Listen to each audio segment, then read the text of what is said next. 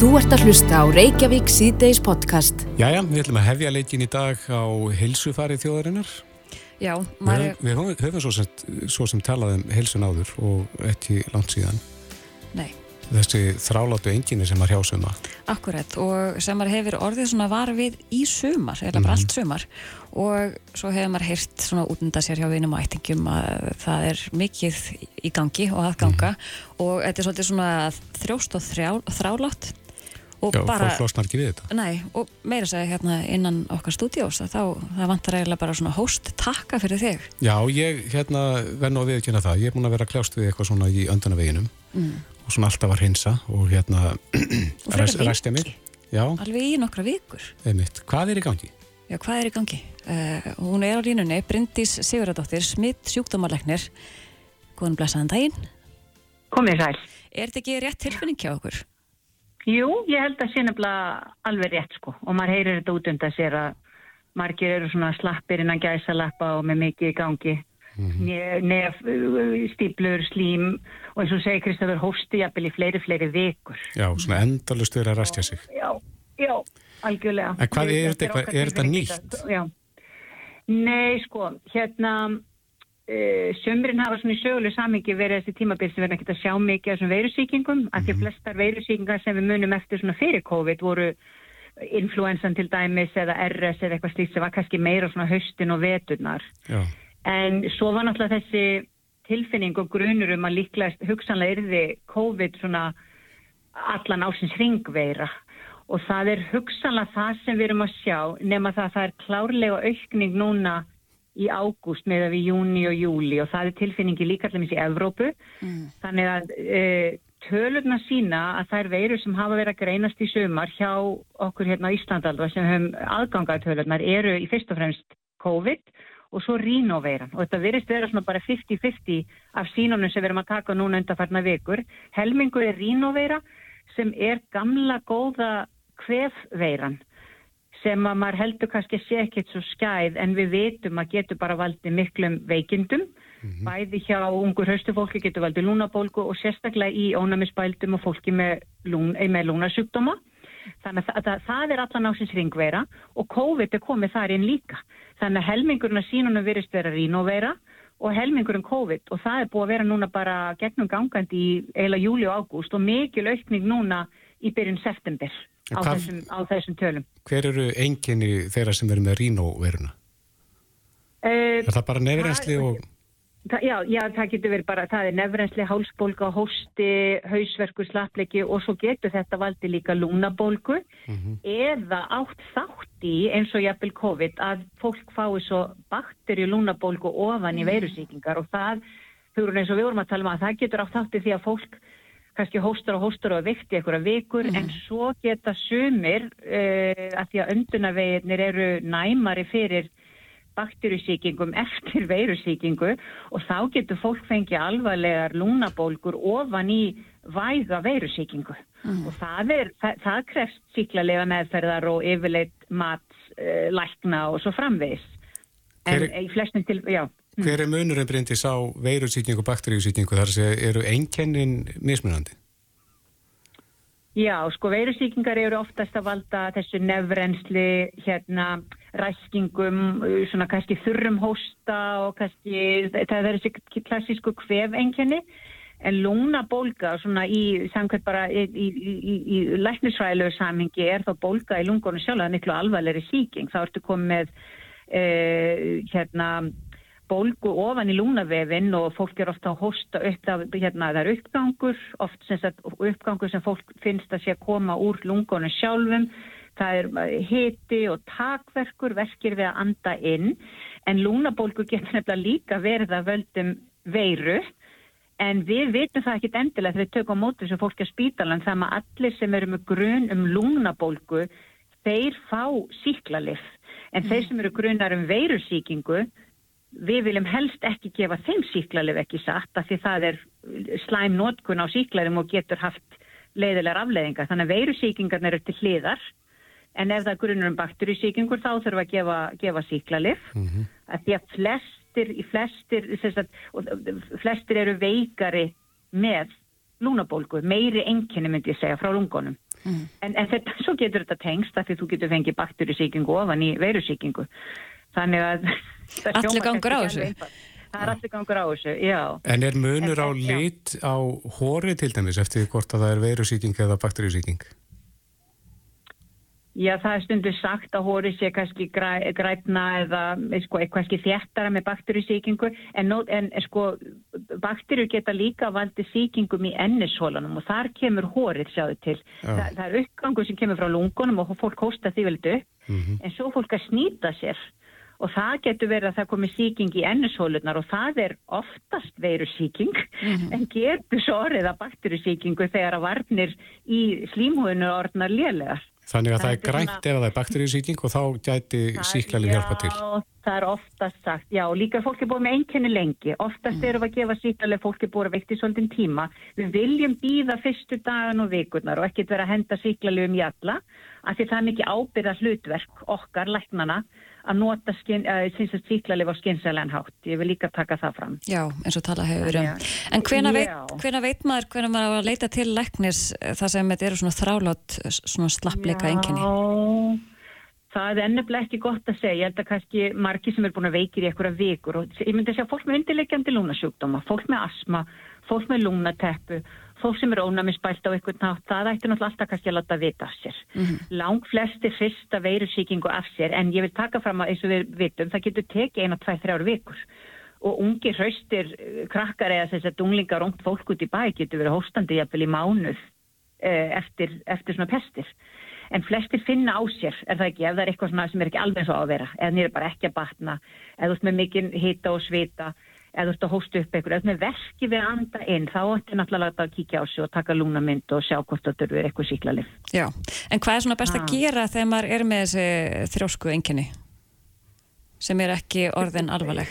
Já, já, sko eins og segja, fólk er með svona enginni frá lungum og finnir fyrir mæði, þannig að hægt að gefa púst, svona berkjuvíkandi púst, suminóta svona nefstera úða til að mm. minka nefnrenslið og opna svona svolítið losa út hérna í, slím, í slímhónum í ennusólunum og svo er maður það bara að fara vel með sér það ekki? Og svona svolítið að meta þetta. En eftir, þetta er óvinnulegt á sumrin þess að mm. allar það veiru svingar en nú eigum við að tekk fram, þannig að það er ekki eins og ég eppil komið vetur. Þannig að við eigum svo allar veiru pestinnar í vetur eftir líka. Já, Já. þetta er bara uppbytun Já. Þetta, já, þetta er svolítið áhugavert allavega því að þetta er, það virðist þeirra sem COVID er að koma bara inn sem svona auka sumar veirupest ofan á kannski allt annað. Mm -hmm. Og en Bryndís, kann, kann læknirinn eitthvað svona heimaráð eh, sem að virka, eitthvað úr kjellingabókum, jáfnvel? Nei, ég er ekki með neina kettlingabækur. bara almennabækur.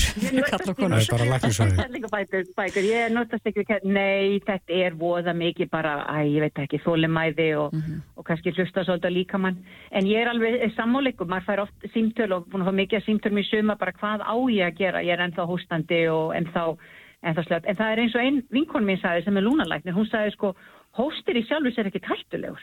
Mm. Hósti er bara leið líkamast til að reyns út lungun og, og hjálpa þær að komast yfir síkinguna þannig að hann er þreytandi er kannski, hann, hann er mjög þreytandi, hann getur verið það en hann, hann jafnar sig Já, en Já, með hóstan uh, er það bráð smítandi á maður ekki alltaf að halda fyrir munnin þegar maður hóstar? Jú, það er alveg ljóst að sko rínóveiran er mjög smítandi uh, hverveiran og, og, og SARS afbreyði, sem ekki COVID afbreyði sem eru komið núna, sem er þá þetta svona nýjasta það virðist, eins og segja, fólk er minna veikt en þetta er mjög smitanda því að við, flest okkar hafa kannski ekki enn til að sé þetta nýja staðbrið sem er núna mitt aukast í Evrópu og hér á, á Íslandi.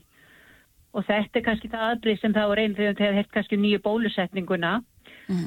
Sem átti að koma í haust, það kemur nú vantilega kannski ekki fyrir í, í, í næsta mánu, átti að koma í september en, og við mælum með þeirri nýju COVID-bólusetningu þá fyrir ónæmisbælda og fólk með lúnasjúkdóma og fólk sem er komið yfir 50 eða 60 en svo bólusetning er aðeins frábyrjun, hún á að taka með að þessu nýja aldrei sem er búið að vera núna í raun að aukast mjög mikið sínist mér í Evrópu og vættalega hér á Íslandi líka. Mm. Já.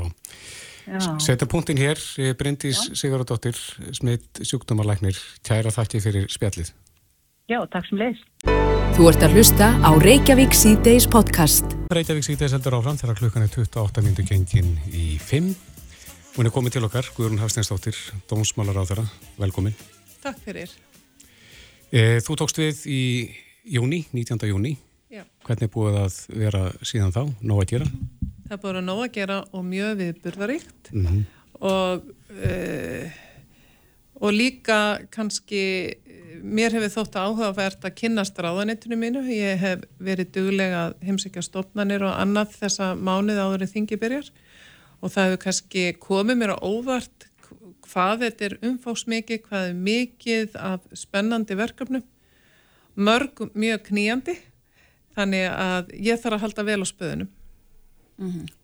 Þú talar um uh, stóra mikil verkefni sem að eru líka umdild og hafa verið í, í hérna sem hafa verið á borði dónsmálar á þeirra eins og útlendingamálin mm.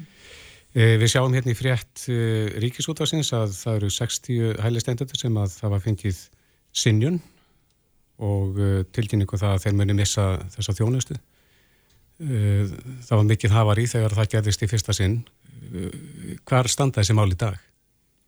Já, þau standa þannig eins og ég fór inn í ríkistjórn í morgun með upplýsingablað um, um stöðu vendamála núna, núna eins og að, staðan var í gær og það er þannig að það eru 58 einstaklingar sem hafa fengið tilkynningu um þennan 30 dagar frest. Það þýðir ekki að 58 einstaklingar séu búinir að missa þjónustuna heldur er búið að tilkynna einstaklingunum að þeir muni koma til með að missa þjónustu að 30 dögum liðnum. Hins vegar eru 15 einstaklingar sem að hafa klára þessa 30 daga þennan frest sem að stjórnvöld gefa eftir að sinjun berst viðkomandi og það eru 15 einstaklingar sem hafa ekki sínt nefn samstarfsvilja og þeim hefur verið e, vísað úr þjónustu og, og þjónusta þeirra verið fælt niður. Og hver er staða þessa einstakling dag?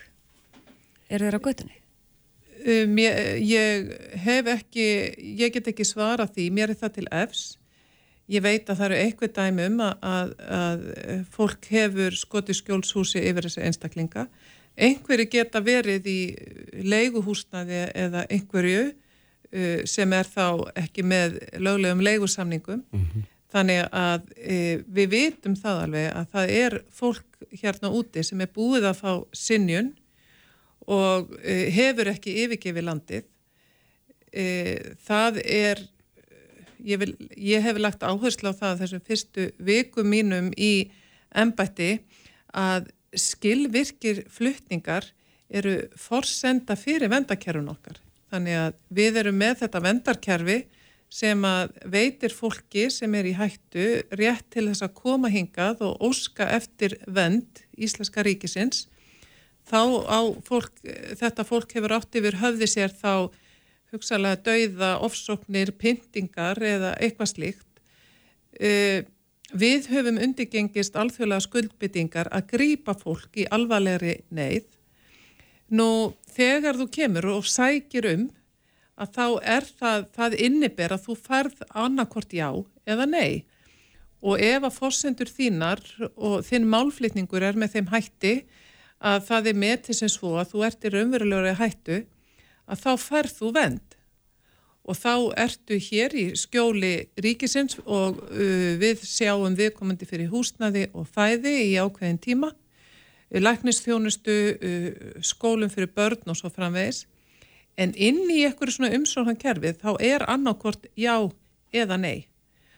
Og svo eru það þeir einstaklingar þar sem að þeirra forsendur eru metna sem svo að viðkomandi einstaklingur fellur ekki undir vendakerfið og þá fær hann sinjun og það verður að vera alveg skýrt að þegar er komin sinjun að þá ber viðkomandi að fara frá landinu og, og það er líka alveg ljóst að eftir að sinjun er komin að þá er viðkomandi ekki lengur með stöðu mm -hmm. flótamanns eftir máli, að þessi niðurstaða likur fyrir. En máli vandast þegar fólk neytar að fara?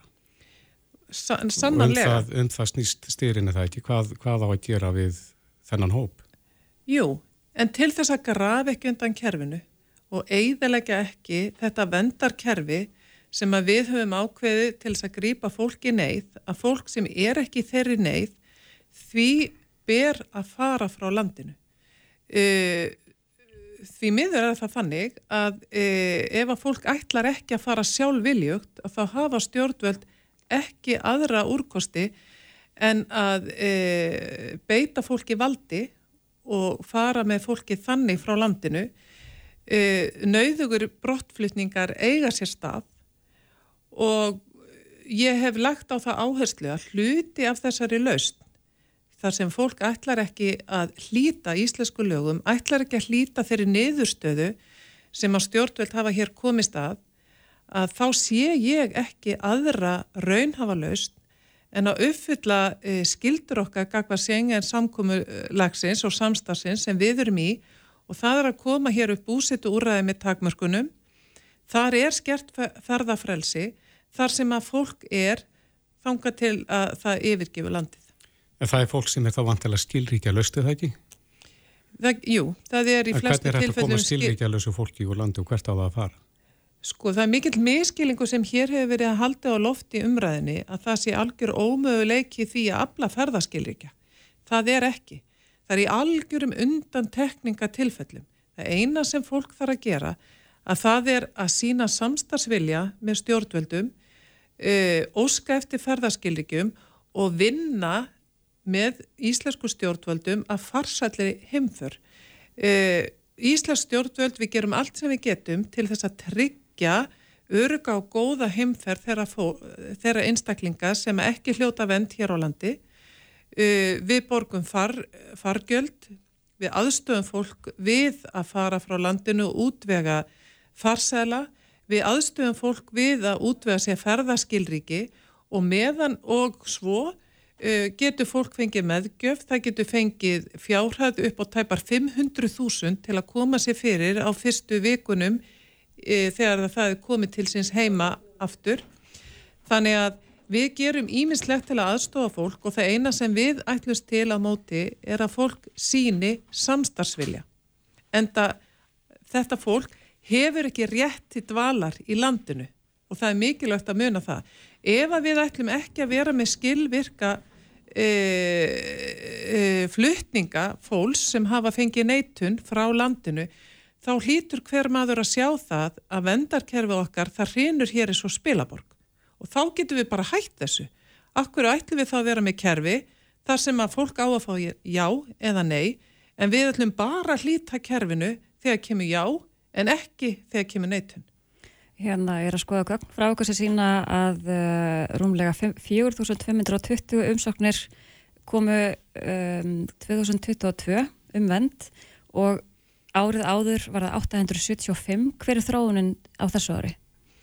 E, þróunin er núna að e, ef við tökum þennan e, punkt frá, punktstöðu gerðdagsins að þá eru 3104 sem hafa sótt um vend hér á landi. Uh, það stefnir í það að uh, við munum fá sambarilegan fjölda umsókna til landsins eins og síðast ári og þá verða þær 4500 eða jafnvel alltaf 6000. Uh, við sjáum það líka í tölunu núna, það hefur orðið umtalsverð fækkun umsókna í sumar ef ég umsóknir í ágúst voru til dæmis rétt tæplega 200 en þær voru tæplega 500 í mars. Hvernig stýrir það? Þetta er eðlilegt og gerist eiginlega alltaf og, í, og skýrist e, nánast engung á því að á sumrin þegar að sumarleifistímin er í hámarki þá verða fargjöld mjög dýr. Þannig að það hefur verið e, já, tilneying til þess að það komi mikil aukning á höstmánum og við mögum búast við því núna að svo verði og þá verði þessi fjöldi sem að hinga sækir á þessu ári tæplega 5.000 manns. Mm -hmm. Ég hef líka verið alveg skýr í mínum málflutningi að þá eru við að við tökum árið í fyrra 2022 og þetta ár að þá eru við að fá hér umsækjatur um vend sem eru um 10.000 einstaklingar. Það hlýtur að hver einasti maður að sjá það að við erum bara með þennan fjölda þá lendu við í vandraðum sérstaklega hvað var þar húsnæði, hvað var þar eh, heilbreyðstjónustu, geðheilbreyðstjónustu og svo framvegis. Hvað getur við tekið á mótið mörgum? Uh, Er þú með eitthvað markmið að, að lækka þessa tölu í eitthvað sérstökt? Ég vil lækka þessa tölu vegna þess að ég hef áhugjör af því að þegar þessi fjöldi er svona mikill að þá uh, náum við ekki að halda nógu vel utanum það fólk eins og ég nefndi á þann sem er að koma hér í sannanlega úr neyð, úr lífshættu, ofsóknum, pyntingum og öðru. Það fólk þurfi við að taka mjög vel utanum og veita góða þjónustu þannig að það fólk aðlægist vel íslensku samfélagi. En hvaða talir ásættanleg þannig að kjærfið haldi? Ég treysti mér ekki, Kristófer, til þess að nefna einhverja tölu að við erum að skoða þetta í ráðanitinu uh, en það er alveg ljóst að á tveimur árum eru við núna, eru umsóknirnar, þær eru odnar bara eins og íbúar árborgar.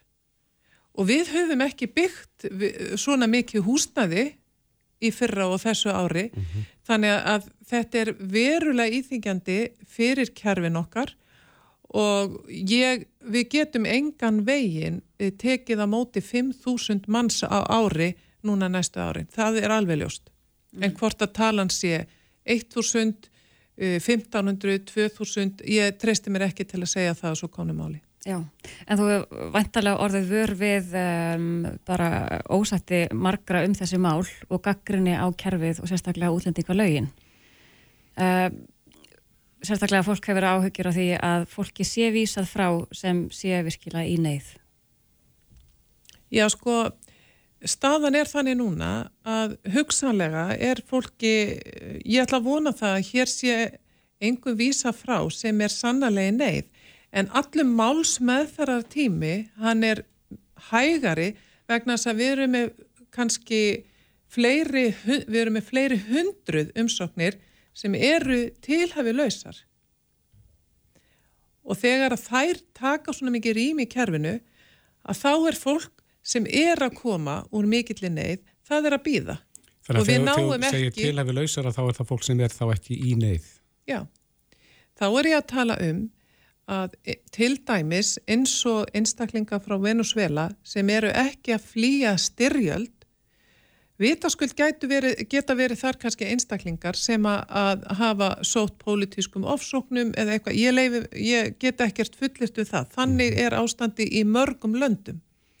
Við þekkjum það til dæmis eins og staða kvenna í Afganistan er alvarleg og svo framvegis.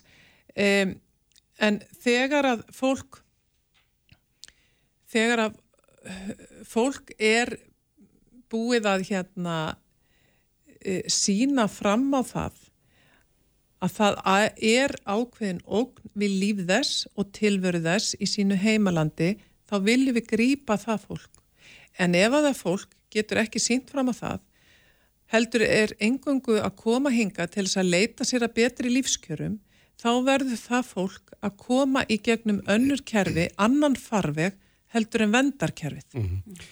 Stóra verkefni þitt þá vantarlega á næstunni, það er þetta búsitt úrraði með takmörkunum. Er, já, er samstafum það á þingi? Ég, það var bara eftir að koma í ljós. Hva, en, hvað sínist þér? Þú hlýtur að vera búin að gera eitthvað talning á því?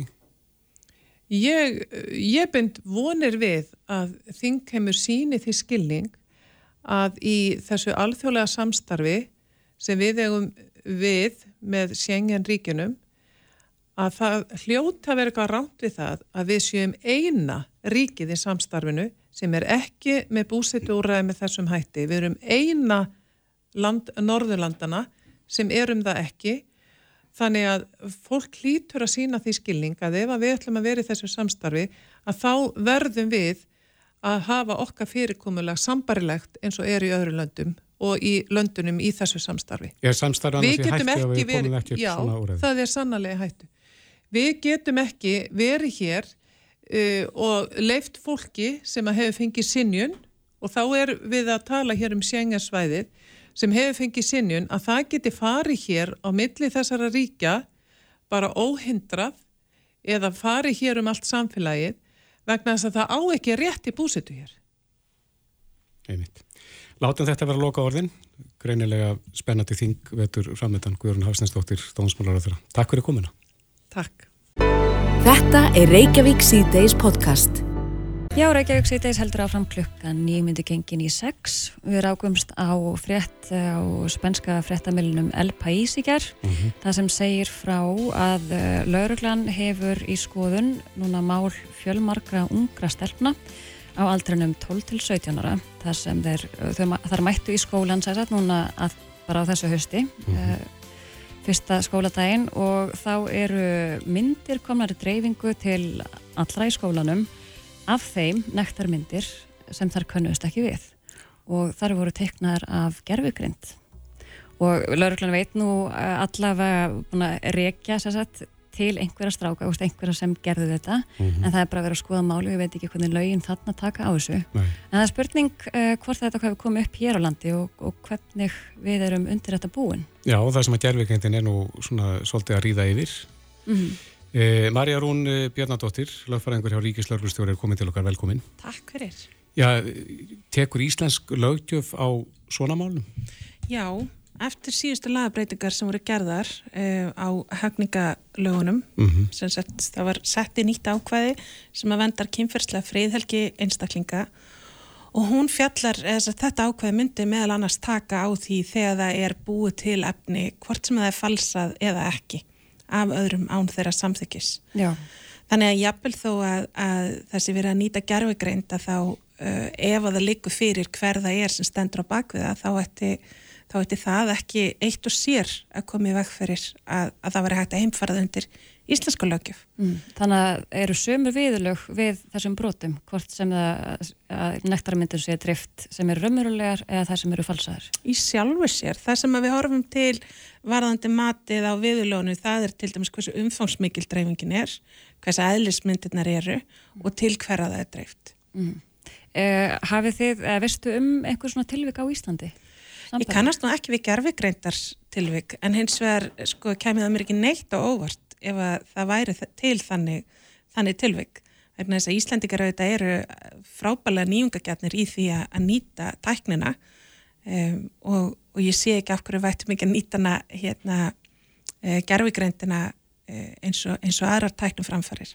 En það er auðvitað með þessa, þessa tækni eins og alla aðra, það er hægt að nota til góðs og íls mm. og, og þetta er auðvitað hansi gott dæmi um það að, mm. að þannig verið að nota tæknum framfarir til, til íls og, og það eru eitthvað sem við verðum alltaf að hafa í huga All, allar þessar framfærir þar, þar er ekki bara jákvæðir, það fela líka í sér neikvæðar hlýðar sem við verðum að hafa eitthvað til þess að taka stáfið e, þegar þær hlýðar byrtast ekki, mm. ekki ef Þannig að við verðum að vera undir þetta búin Já, þetta meina, kemur hingavantarlega eins, eins og á spáni Öruglega og ég meina ég held að það sem að við þetta búum að því að við erum með gott reglverk mm. e, varðandi þetta Eh, betra heldur en á mörgum stöðum í Európu. Það er til dæmis í Breitlandi til dæmis er, myndi þetta ekki falla undir löggefuna þar og þar, þar meiri segja sko að vera ásetningur til þess að valda einstaklingi skafa. Við erum ekki með það hjá okkur.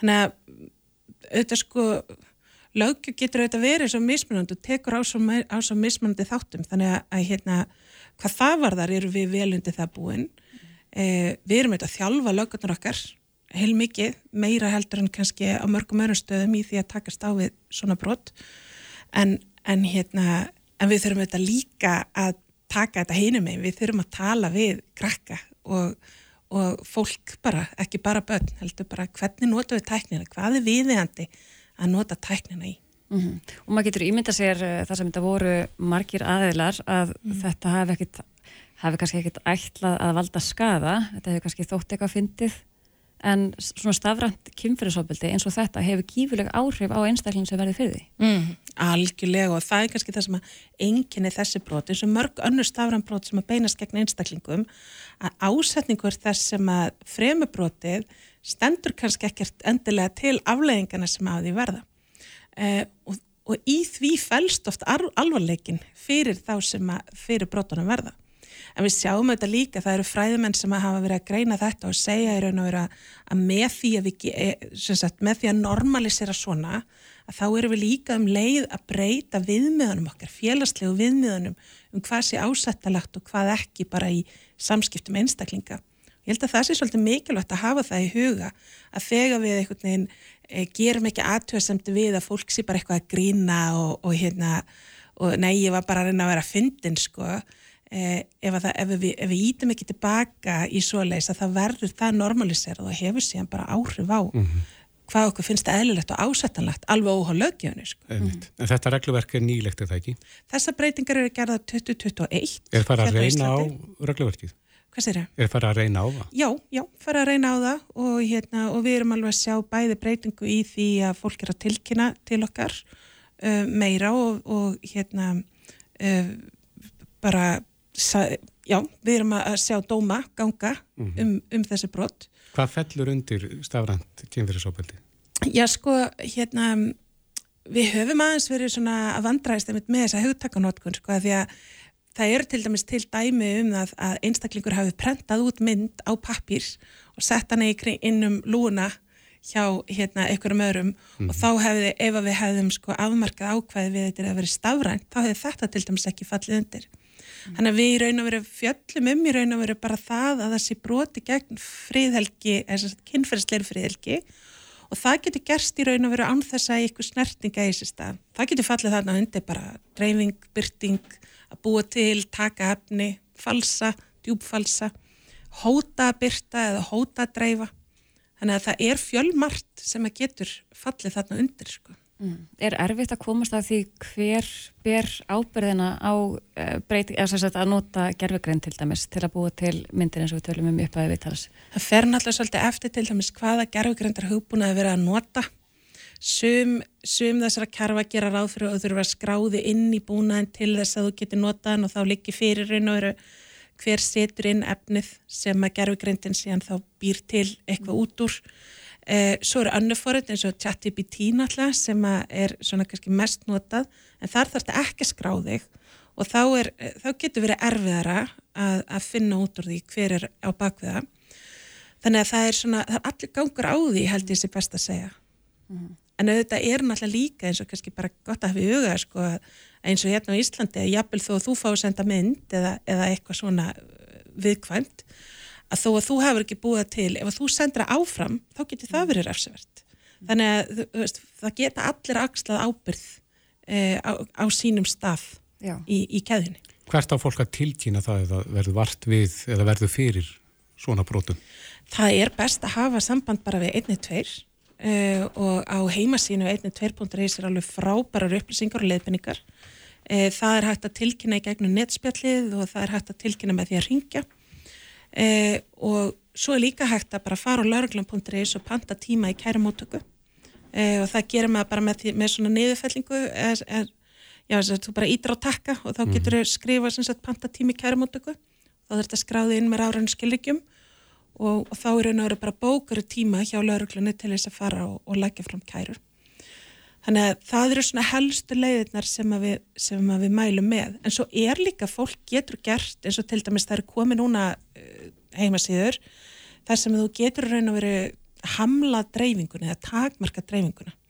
Og fyrir fullortna einstaklinga þá er, er heimasíða sem heitir stopncee.org og þá er raun og sagt, sínur heimasíðuna myndina, þú, hún tekur ekki afrið af henni, heldur býr til svona, svona forritað afrið, eða svo leiðis, summu er það kallað, sem að síðan er dreift á alla samstarfsæðila og til dæmis þarna er þetta Facebook, Instagram, Pornhub, um, OnlyFans, svona flestir stóru miðlarnir. Mm -hmm. Þannig að ef eitthvað reynir að dreifa efninu í gegnum þessa miðla, þá stoppast það. Mm. Þá kemur bara upp, heyrðu nei, það er búið tilkynna þessa mynd sem eitthvað sem maður má ekki dreifa. Er þetta nýtt? Þetta er tiltrúlega nýlagt. Um, ég held að þetta er sérst verkefni sem fór í loftið 2021 eh, í Breitlandi og við hefum sérst fengið aðgang að e, og þetta er aðgengilegt til dæmis á 1.2.is og það er líka til svona fyrir krakka e, og það er líka inn á, á 1.2.is þannig að mm. þú getur líka gert ráðstafanir til þess að takmarka dreifinguna e, en auðvitað þýðir það ekki að, að, að allt sé í toppstandi en, en hérna en það er veitir, það er ímislegt hægt að gera þannig að fólk má ekki missa alveg móðin þó að, hérna, þó að svona gerist. Nei, akkurat. Uh, en hefur tilkynningum fjölgað staðrand ábeldi? Já, þeim hefur fjölkað. Mikið? Já, og við erum kannski að sjá bara, það við náttúrulega gefum út núna tölfræðina um sko kynferðsbrota heimilisofbeldi núna nokkru sönnum á ári á heimasíðinu bara á lauruglum.is og þar erum við með svona bara bíaborð þar sem við skoðum tölfræðin og þróun e, þessara máluflokka og við sjáum það að það er aukning í, í kynferðsbrotum en það er að virðist vera svolítið sko stafran kynferðsbrot gegn börnum. Það er kannski svona e, málaflokkunni það sem við erum að sjá flestu svona mestu aukninguna það getur líka útskist af því að það hafa verið nokkur stór mál sem hafa komið upp, það sem mm. það er eitgerandi og margið þólendur. Mm. Já, en þessi mál greinlega tekinn fyrstum tökum. Við reynum eins og við getum og ég held að kannski það sem að skiptir öllu máli er að, er að veist, borgarinn, hvort sem hann er fullan eða bann, mm -hmm. að finna að hann geti leita til lauruglunar mm. uh, og fengi stöðning og aðstóð og, og ráðgjöf vegna þess að að, að það er ju hlutverk lörglunar ekki sett, það er, e, það er að þjónusta borgar. Mm. Og kannski hlutverk okkar hinna líka sem verðum kannski ekki fyrist á beldinu að tilkynna það eins og þú segir. Absolut, það er, það er mjög mikilvægt. Mm -hmm. Marja Rún Bjarnadóttir, lagfræðingur hjá Ríkislauglustjóra. Kæra þakki fyrir komuna. Takk fyrir. Þetta er Reykjavík C-Days podcast. Áfram heldur við, við ætlum að bregða okkur aðeins austur en það hefur verið hægt á urskriðum í það fyrir austan vegna regninga Já, og björgunarsveitunar hafa í, haft í nævarsnúast í nótt og í dag. Og rýmingar, eins og segðis fyrir því. Björn Ingimarsson, sveitastjóri í Múlaþingi er á línunu, kom til sæl. Já, komið sæl. Ja, hvernig er staðan núna setnipartin? Sko, staðan er í rauninni bara óskur sipuð, sko. Það er þetta svæði sem er, er atvinnusæðis eh, sem er utan uh, björgunar Sveitarhúsins á Seyðisfyrði er áfram rýmt mm -hmm. og við gerum ekki ráð fyrir að, að þeirri rýmingu verði aflétt fyrir inn í fyrramáli en hins vegar er uh, sko það sem er, ef ekki segja kannski betra við þessa stöðu í dag með við það óskup sem við lendum í þarna fyrir þremur árum síðan mm -hmm. er að, að nú er grunnvarstaðan bara mjög lág Þannig að, að hættan á svona uh, djúpum örflóðum, uh, hún er ekki mikil. En það er, uh, menn hafa gert ráð fyrir því að það verði svona, svona farvega skriður sem að, og þær hafa, við höfum voruð voru við þær bara á nokkrum stöðum á Östurlandi núna í þessari, þessari miklu úrkomu. Mm. Og hvernig er veðrið akkurat núna og hvernig hefur, hefur það verið í dag? Það hefur bara verið tölvöld mikið regning og, og mikil úrkoma. Og það er bara alveg í samræmi við, við veðursponna en, en það sem að, að ég skinni allavega af samtölu mínum við sérfrænga veðstofunar er að, að þeir hafa ekki mikla ágið á þessu vegna þess hvað grunnvarstaðan er lág.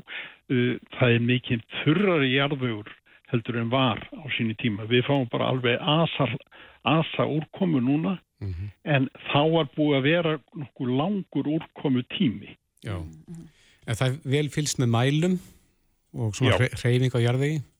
Já, það er mjög vel fylst með þessu og, og starffólk viðstofunar er að standa sig kífulega vel í þessu uh, og það sem að, að það var náttúrulega lært og það sem var gert í framhaldi að uh, örskriðunum uh, í desember 2020 mm var það að nú þá voru settar upp eh, já sko eftirliti með þessu er mikið virkara. Það er meirar mælingar og auk þess að, að það var farið í ákveðnar svona bráðavarnir sem eru alveg að verja ákveðin svæði. Hefur það slegið á ótta fólks fyrir austan?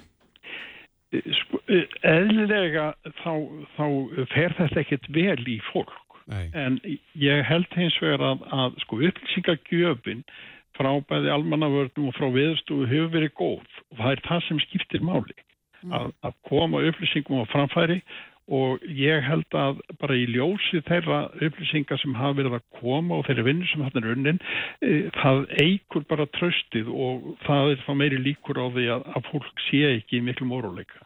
Já, er ekki líka bara, e, það er engin á ferð úti, er ekki bara gríðarlegi vindstrengir enn á sveðinu?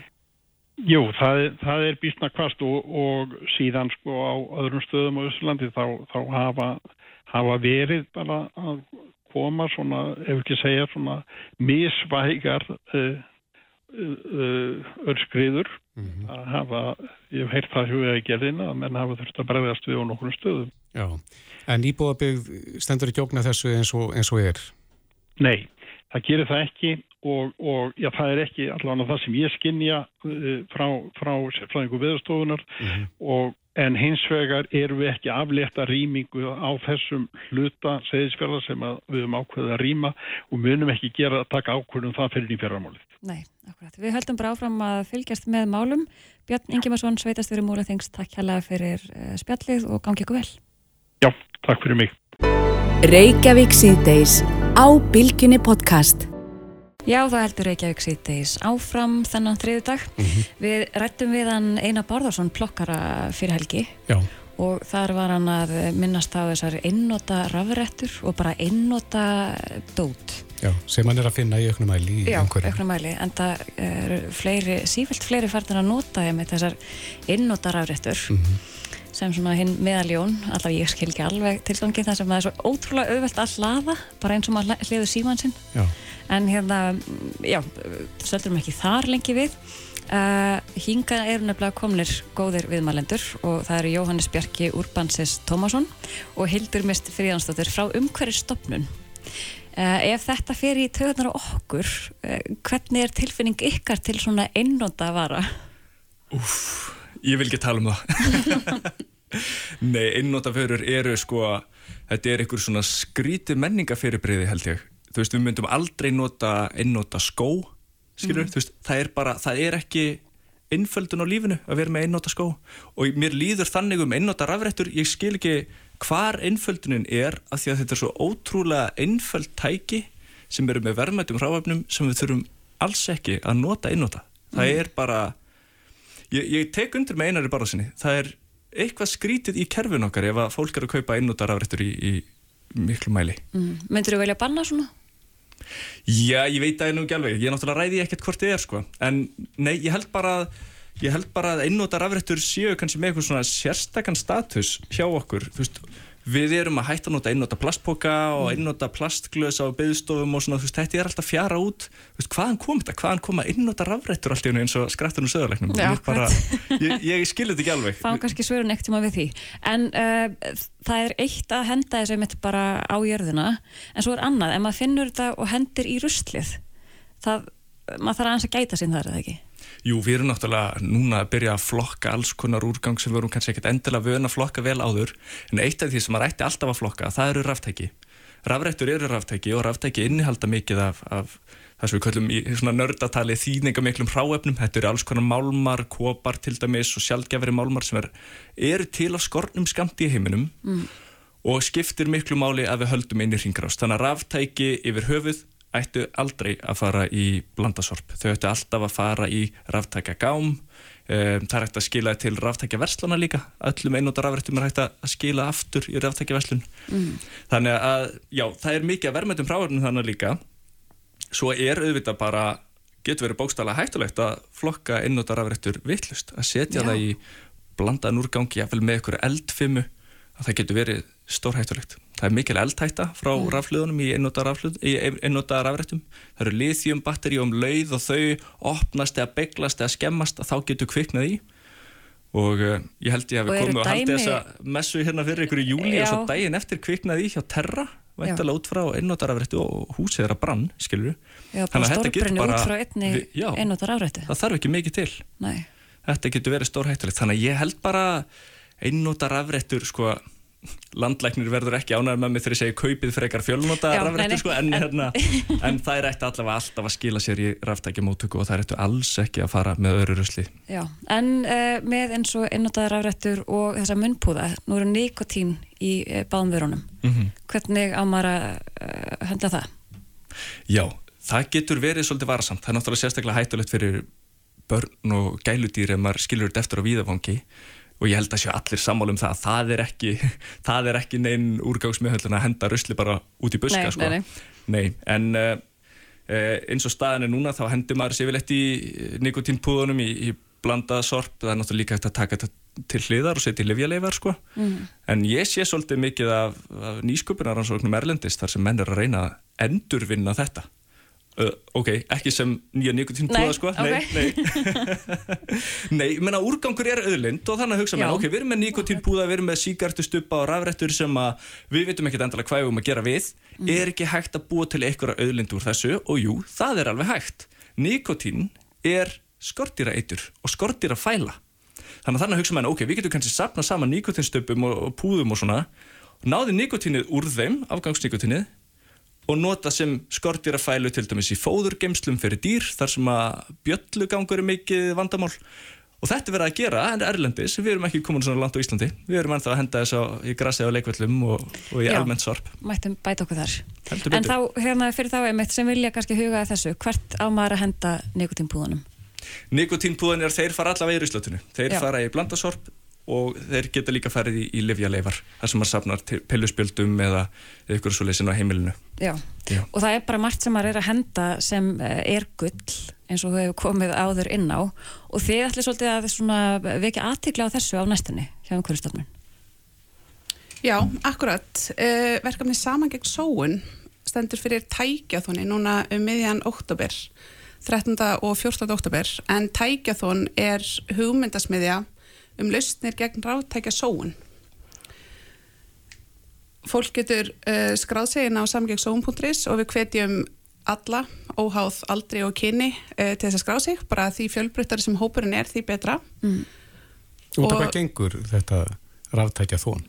Uh, það gengur sem sagt út á það að koma ráttækjum betur inn í uh, ringrásina og við erum sérst með þrjár svona uh, helstu megin áskoranir sem við erum að vinna með og það er uh, hvernig getum við dreigja úr ofnæstu ráttækja hvernig hvetjum við fólk og fyrirtæki til að fara með ráttæki viðgerð og hvernig gerum við flokkun og endurvinnslu ráttækja skilvirkari Erum við of löt við það að láta gera við tækin? Er það bara, er það hent og nýkift í staðin?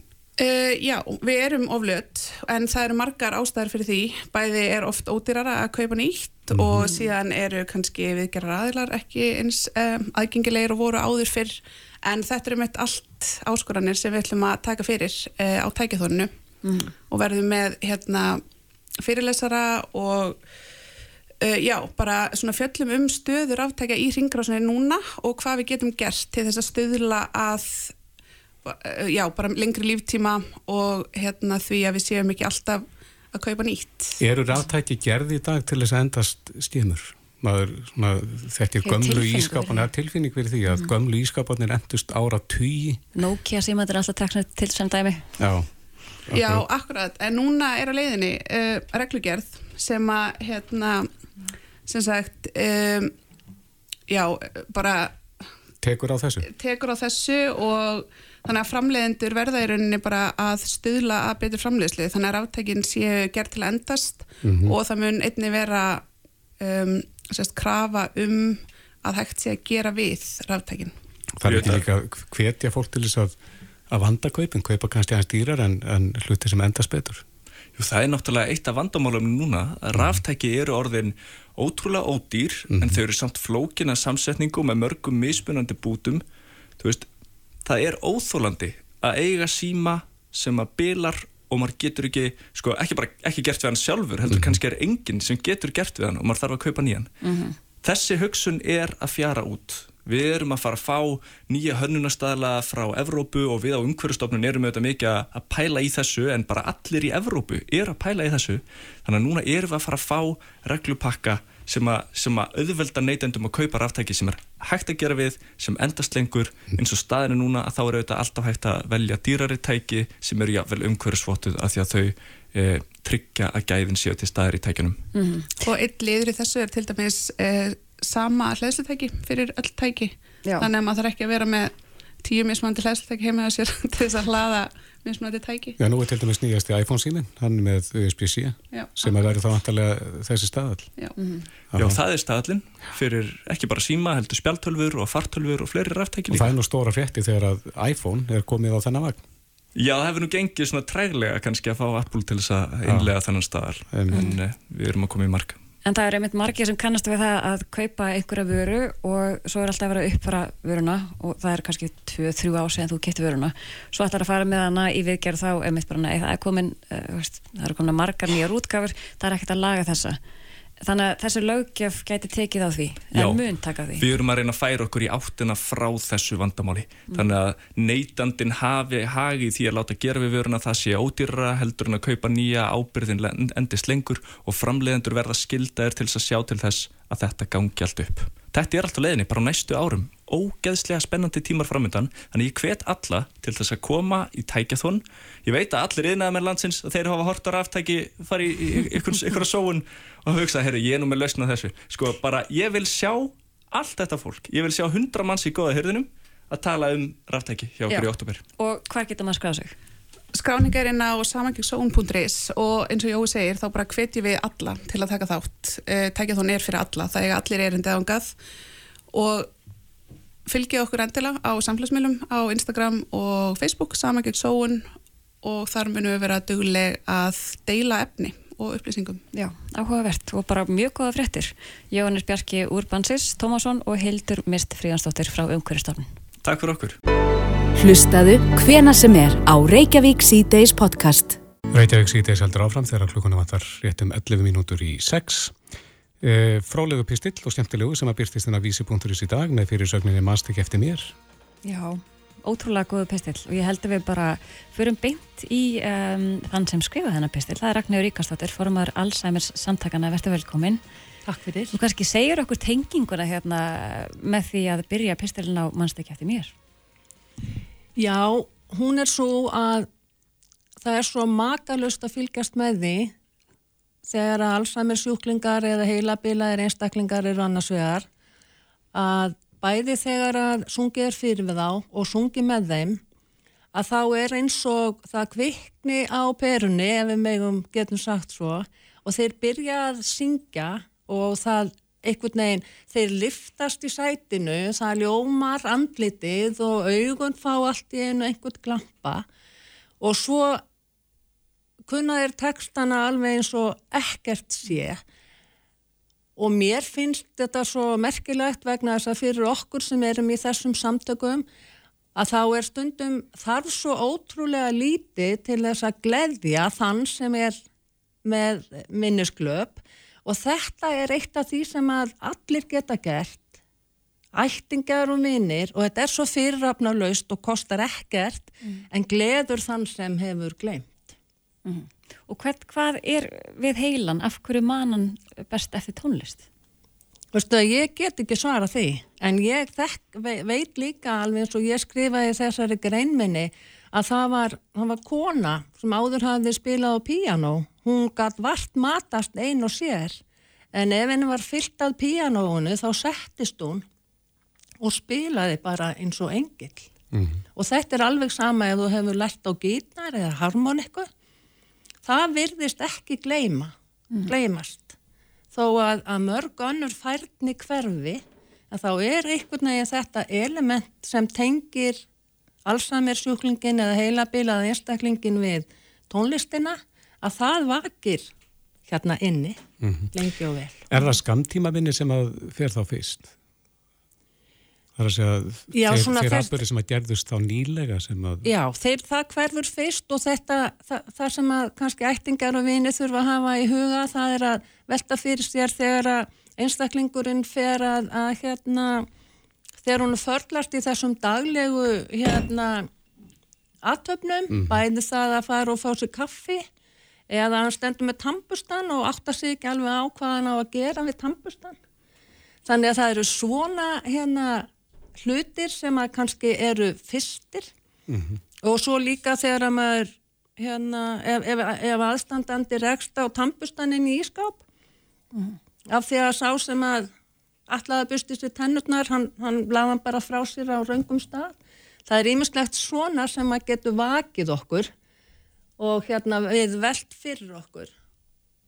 Hvort að okkar aðstandandi sé með Alzheimer eða einhvers konar heilabili. en þetta getur verið merkjum það ef að, ef að tannbustin er á öðrum stað heldur en að ná að vera. Já, mm -hmm. uppdóttabustin hjá einhverjum, hann fyrir allt í unni blóma á sann. Þetta er svona, við erum með svona myndir hjá Alzheimer samtökunum þar sem við sínum hérna glerugun hjá tambustanum og, og hérna, hérna uppdóttabustin hjá túlipannunum og, og svona sko.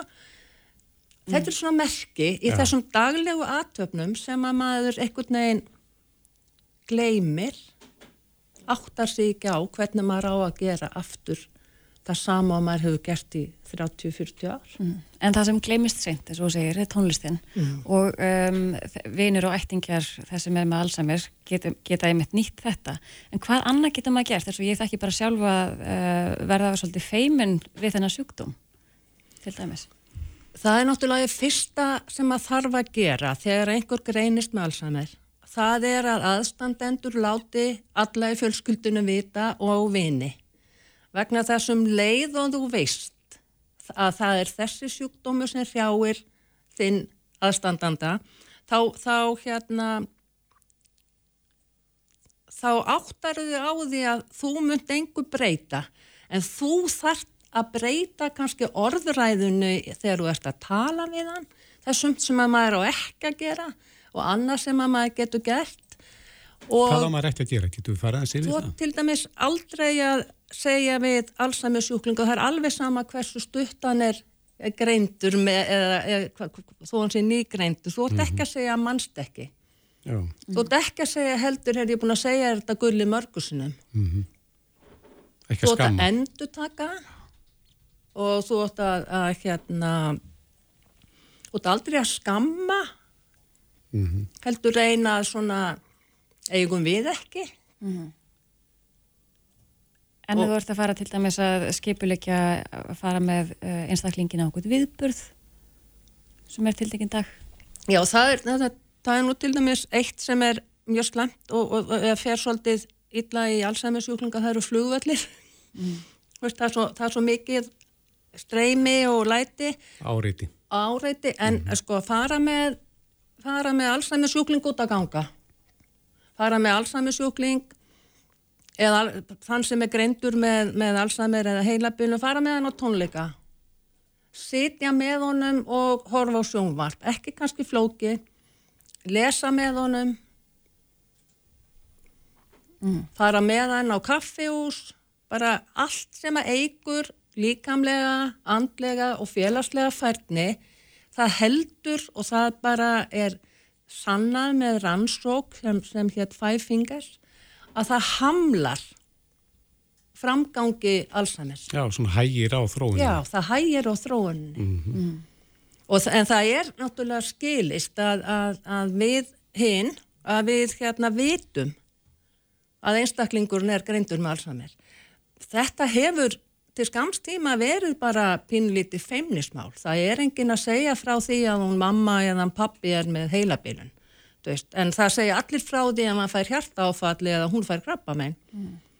En þetta er ekkert, þetta er alveg hérna vondur sjúkdómur og hann er eiginlega verri hvað það var þar að þú færð ekki lækningu. Er meiri feimni í kringum þennan sjúkdóm? Já, ég held það eins og bara í kringum alla sjúkdómar sem að tengjast heilanum eða geðinu. Mhm. Því það verða líka og geta orðið personubreitingar hjá fólki. Það dregur sig ósjálfrátt í hlje. Það getur ekki hlustað á margatal í einu. Og sumir eru reyndar bara svo hérna meðvitaður og segja bara, heyrðu, fyrir ekki, getið ekki bara að tala einn í einu. Ég á svo erfitt með að fylgjast með þegar að gjamma allir svona. Mhm. Það er ýmislegt sem hægt er að gera og eins og talar um tónlistaftur, Mm. er, er þetta eitthvað nýtt í til dæmis bara í meðhendlun?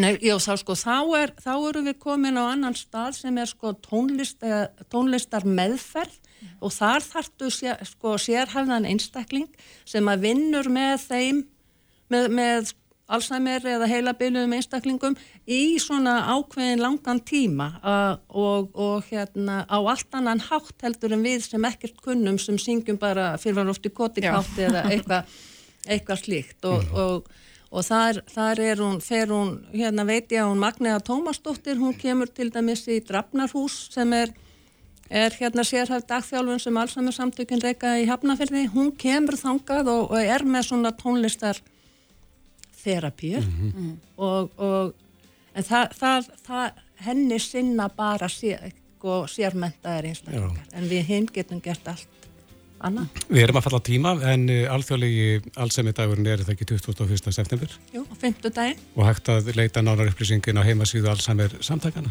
Já, Alltum við ætlum að hafa rástefnu í Hofi og Akureyri Já. farið fyrsta skipt í út fyrir borgina, Mhm. þannig að það verður spennandi. Já, Ragnhildur Ríkastóttir, formaður Alzheimer samtakana. Kæra þakki fyrir komuna. Takk fyrir mig. Reykjavík síðdeis á Bilginni podcast. Nú alltaf gaman þegar að fólk skilar inn meistararíkir, það er svona, er ákveðin tímamót Það eru mjög stór, mjög stór tímamót, en stærstu held ég bara, og allavega léttir en Já. að hérna taka við, eh, við henn úr prentun. Einmitt. Við rákumst á lokaverkefni, meistararíkjef í, í hérna markasvæðin við Háskóla Íslands og það er Hanna Lára Jóhansdóttir sem að skrifa þess, þetta lokaverkefni um tengsl milli kvatvísar kaupegðunar og persónuleika neytenda. Þetta er ekki smá. Ég hlaka til að heyra þessu. Og Hanna Lára er á línu, kom til sæl. Hæ, hæ. Já, þú varst að verja þessa rítjarði í dag, er það ekki?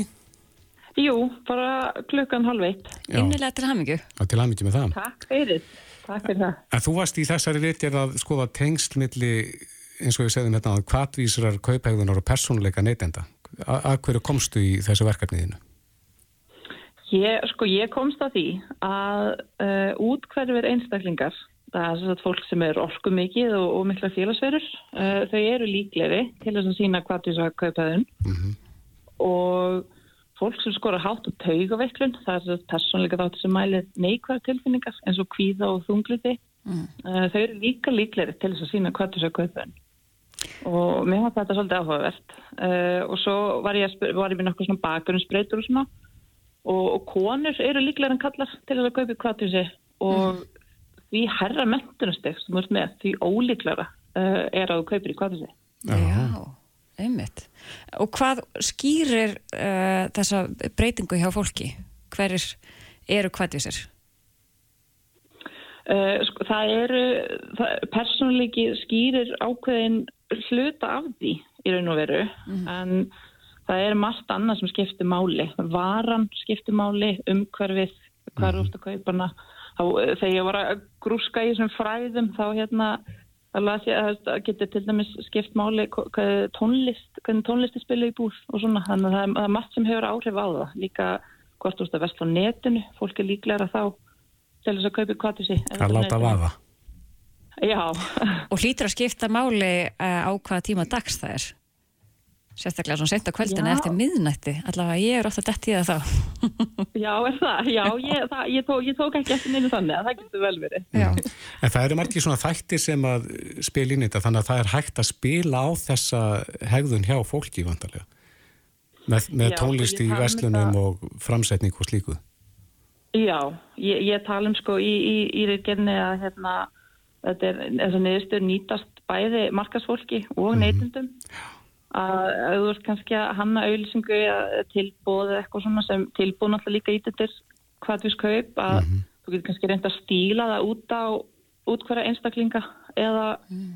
uh, taugaviklaða einstaklinga, þú veist að hanna efnið í taktu það. Uh, en svo, svo neytendur geta líka ef þú kannski veist að þú ert útkvörf típa að þá að getur kannski uh, þá veistu kannski að já, ég er líklega til þess að kaupa kvartusi og, og þá getur skoðað ráð og svona til þess að draga úr þeim ef þetta er vandamál.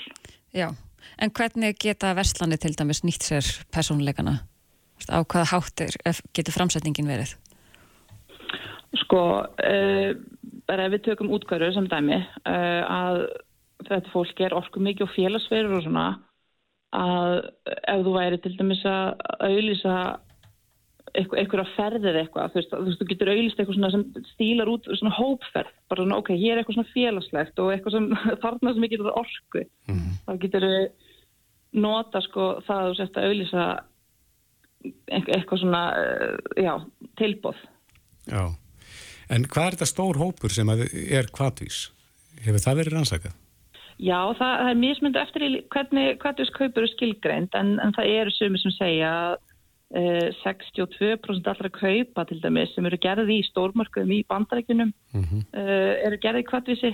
Já, þetta er svona stór, stór tala. Já, sumir fara upp í, í herraprósent segja næstu í 80% kaupa í ákveðnum vörflokkum eru gerði í kvartvísi. En, en svo er spurningin hvernig kvartvískaup eru skilgreind af því að sumir skilgreina þetta sem sko kaup sem eru ekki fyrirfram ákveðin mm. en, en svona nýrði skilgrinningar sko eru líka eitthvað að tala um að þetta er líka svona skyndileg þörf sem kemur upp. Mm -hmm. og, og þú vilt kaupa á stundinni og þú verður bara einhvern veginn að eignast vöruna strax. Þetta er svona tilfinningalegt. Þetta Þeir... er ekki bara og já, ég glemt að skrifa þennan hlut á listan Nei, þeir kannast eflust við það margir sem að eru á samfélagsmiðlunum að það poppar upp ykkur auglýsing og þú verður eignast hlutin. Já, einmitt. Það myndi þá teljast sko... kvartvísi þegar að menn stökka svoleiðist gillibóð Já, og bara upplifa að þeir bara verða eignast vöruna. Ég, mm -hmm. sko, kveikjan að rannsókninni hjá mér var út frá því að ég fór inn í uh, verslun í Reykjavík og ætlaði að kaupa blómapott mm -hmm. og ég lappaði út með sófa. Já. Ok, vennilega er þetta akkurat á hinn veginn. Maður fer í íkvæð, ætlaði að kaupa sófa og kemur svo út með fullta smáfurum. Já, nákvæmlega. Fullta blómapottum og blómum og var auðvitað hjá mér, sko. Ég... Þannig að uppæðin hefur hækkað örlítið sem þú ætlar að reyða þarinni. Aðeins. En lærður eitthvað svona inn á sjálfa þig sem neytanda? Já, fullt. Ég, sko, ég fór að skoða náttúrulega mismundi kaup hegðun uh, og það er svo áhugavert að læra um, þú veist, vanakaup og fjölbrettkaup og alls konar og þá fór ég að taka eftir í Uh, hvað ég sjálf að kaupa bara ég kaupi svo oft kannski sama keksi eða eitthvað og svo kannski skipta maður aftur um uh, eða skiptir alltaf um, um vörumerki og þá, þá er ég alltaf komin í fjölbryttkaup og, og svona, þetta er, já og svo, ég er alveg, ég er alveg gjört ná að kaupa í kvatísu sko, þannig að mm. ég, það er eins og ég sé svona, ég er aðeins meðvitaðri um það núna mm. En skoðaður eitthvað eh, hvernig við Íslandikar komum út í samanbyrði við önnur, uh, önnur land, aðra þjóður? Uh, nei, nei, ég var ekki að skoða það en, en það er mjög áhugast rannsóknar efni mm -hmm. En það er greinlegt að nýta sér þetta sko í sölu tilgangi að læra inn á hegðum fólks og hvað svona virkar og hvað virkar ekki?